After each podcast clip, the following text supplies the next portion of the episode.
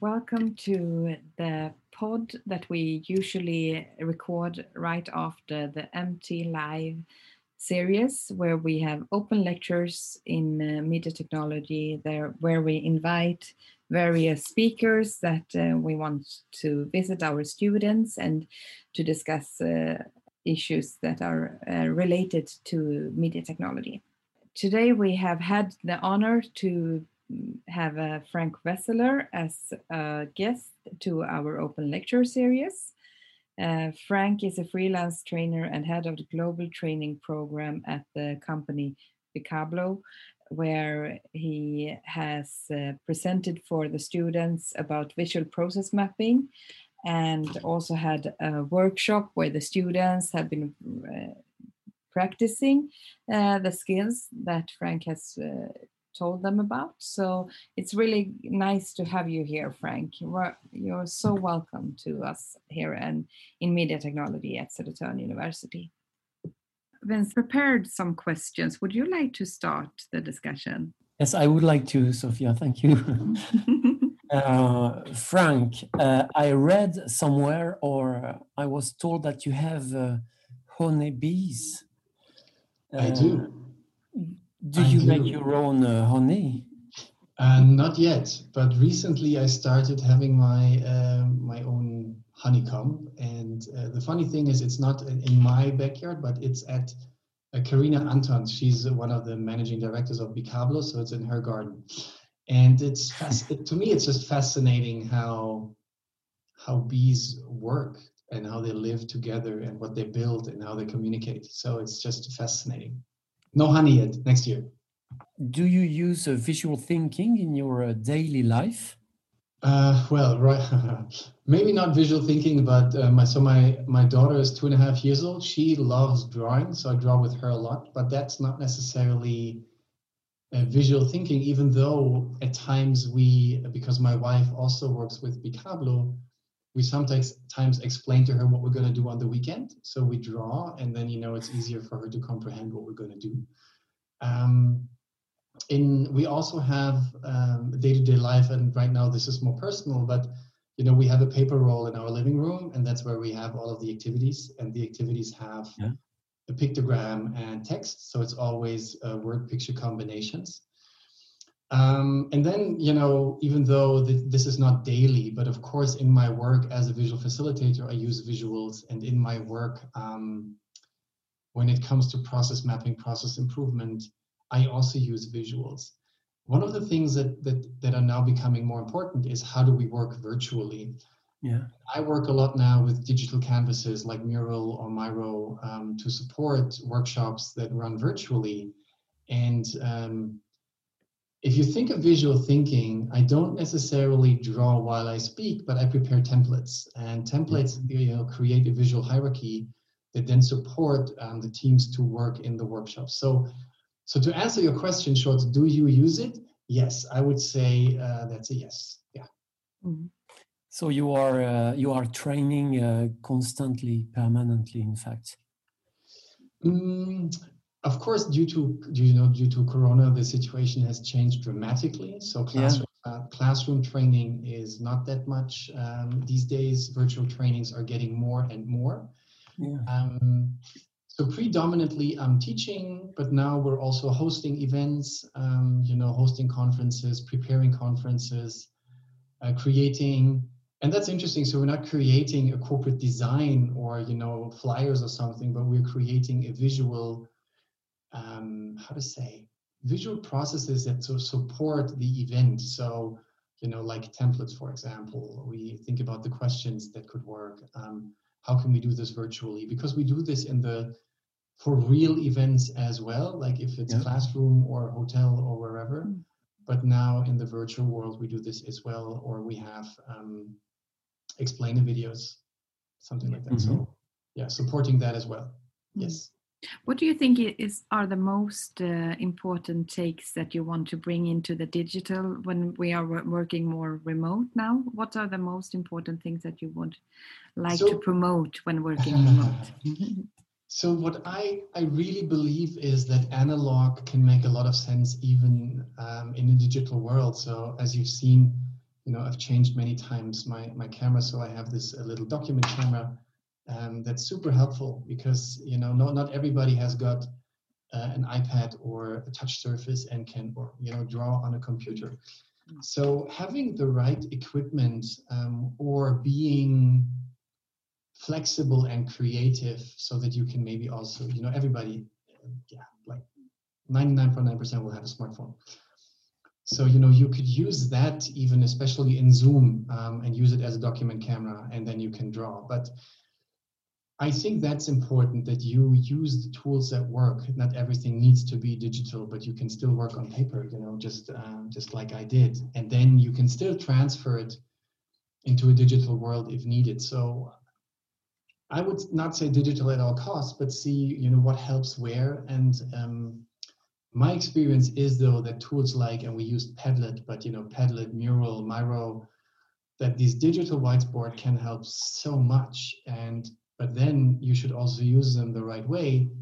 They can be very enticing, and that was part of my um, of my talk as well. You know, they emotionalize, they captivate, or they can be super boring. So, hmm. you know, why not use metaphors, for example? You know, create a great metaphor and then let your participants work in that metaphor, but have it visually enticing so that you're invited into something. I think it is also has something to do with appreciation. Yeah. What is um, what is a visual thinker? I mean, of course, you know there could be a very blunt answer saying somebody yeah. with visuals, right? But um, maybe that's a little that is a little too too blunt because I believe visual thinkers are very very different. Um, you know, if I refer to Martin Haussmann, mm-hmm. I have never seen anybody who thinks as visual as he does because he really, you know, it's like the marker is attached to his hand. Like for everything that he does, he opens a page and then he starts visualizing what you're talking about. Um, so he, in the true sense, is a visual thinker because he really does everything visually. But I still believe, you know, if you work in in metaphors, if you try to um, add to comprehension using visuals, um, you know, or if you actually start to visualize as well that, yeah, that you're not afraid of using the marker and express yourself using visuals, I think that's already a visual thinker, you know, um, because I wouldn't want to set the bar too high, but just really not being afraid to use a marker and then, you know, putting some marks on paper is already important. And again, visualization is not always drawing. If you can really just arrange things correctly on a piece of paper and maybe using a different hierarchy in terms of the letters that you use, that can be visual thinking already. So, um, you know, I really would like to emphasize that because, uh, you know, when people hear visual thinking, some people are afraid and, and think, oh, you know, I need to draw now. But the most powerful visuals that I've seen is really, you know, how do how do you arrange things on paper and how do you provide a hierarchy? I mean, of course, then you know, an analogy, a metaphor, all of this is fantastic, but there's more to it than just the visual. The yeah. The, yeah. is visual thinking uh, intercultural uh, and international? Uh, I was wondering if you have any example of drawings that have been misinterpreted because of uh, cultural connotations? Uh, I mean, I have. So, I mean, one one one is this one here, and um, Martin loves talking about this. Uh, yeah, where maybe in the Western world, um, it's a cup of coffee, and this coffee still hot, so it's steaming, and then uh, yeah, he told me that he wasn't he was in Asia once, and the people were saying like, like why are the noodles on top of the cup? Yeah. You know, so um, so there's always um, culture. You know, has got such a high importance, um, mm-hmm. and there is. Uh, let's see, yeah, this one here.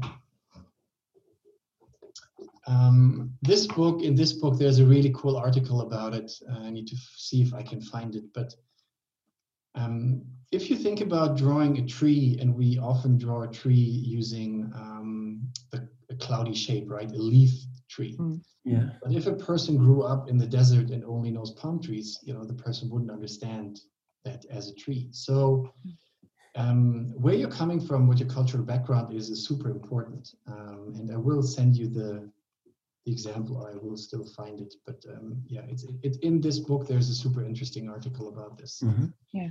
I mean, it starts with things like um, like school grades, right? In Germany, school grades are one to six, and six is bad and one is good.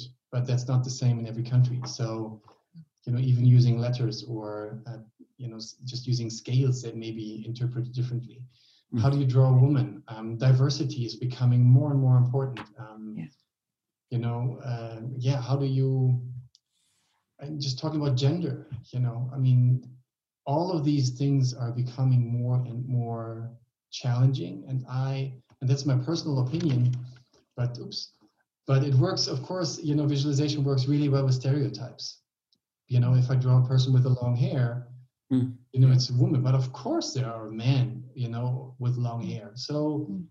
it's not that easy, um, that easy anymore. But I still think it, the visual helps, you know, if you have text uh, attached to it. Yeah.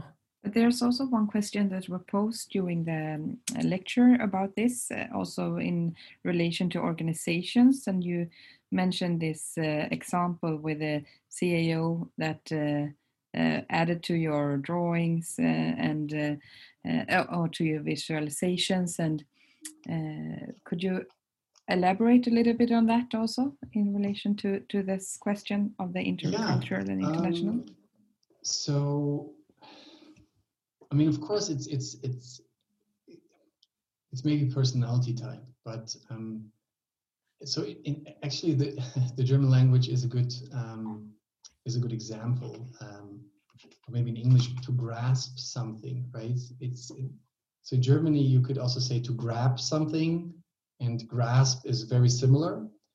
Um, and I think you know doing something tactile helps you understanding something. And how often do you sit in a room with ten people and you're discussing something, and it's very artificial because all of the words are just up in the air, and you don't have anything that you can that you can grasp, you know, that you can touch, or where you can add a mark to it.